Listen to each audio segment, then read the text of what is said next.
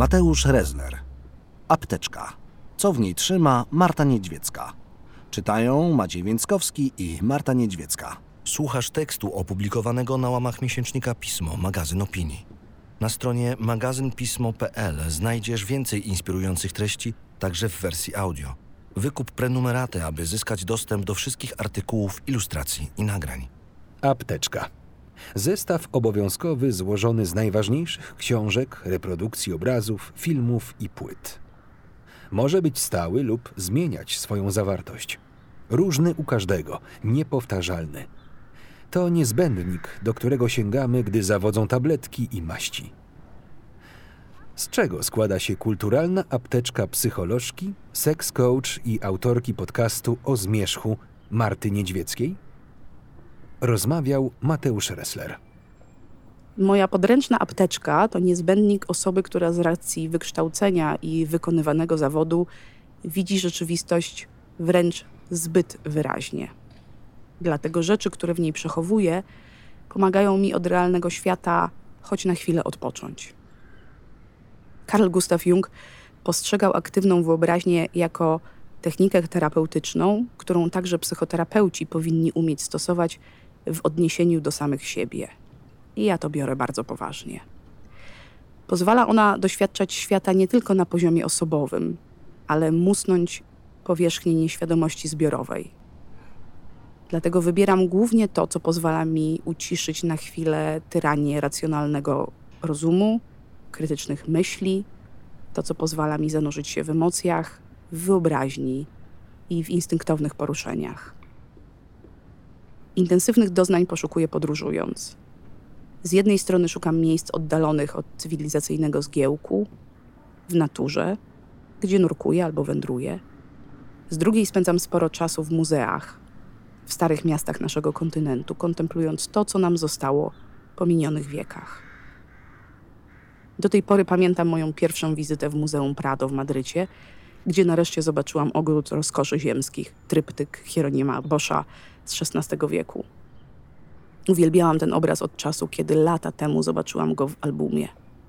Spotkanie na żywo było jednocześnie wielkim przeżyciem, ale też wielkim zaskoczeniem, bo tryptyk okazał się malutki w rozmiarze, a ja przeżywałam go jako dzieło dosłownie wielkie.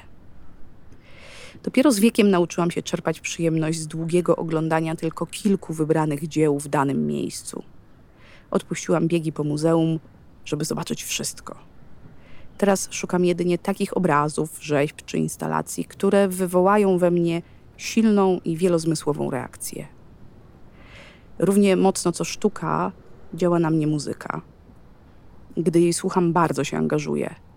Słucham nie tylko muzyki, baczną uwagę zwracam też na teksty. A to, czego słucham, bardzo zależy od nastroju.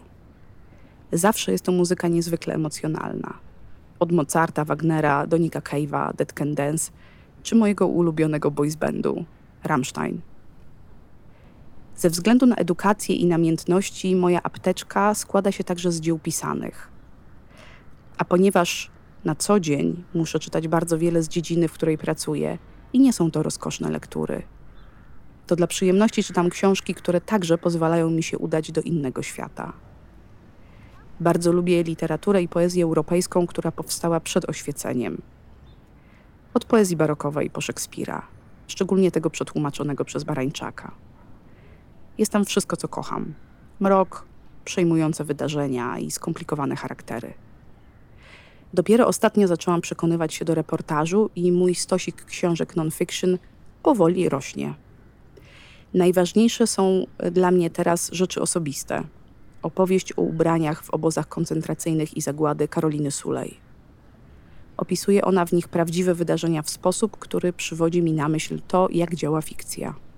Czytam historię, ale doświadczam jej jak realności, jakbym się tam znalazła. Gdy już następuje ten nieprzyjemny moment powrotu do rzeczywistości i potrzebuję znaleźć źródło inspiracji, sięgam po Karla Gustawa Junga, kobiece autorki wywodzące się z tego nurtu, m.in. Marion Woodman czy Marie Louise von Franz. Dzięki nim zyskuję nowe perspektywy na problemy psychiki, którymi się zajmuję. W zasadzie moja apteczka to stężone emocje i przenośne portale do świata wyobraźni. Marta Niedźwiecka, urodzona w 1976, psycholożka kliniczna, seks coach, współautorka książki Slow Sex Uwolnij Miłość i autorka podcastu psychologicznego o zmierzchu. Tekst ukazał się w 49. numerze miesięcznika Pismo, magazyn opinii. Czytali Maciej Więckowski i Marta Niedźwiecka.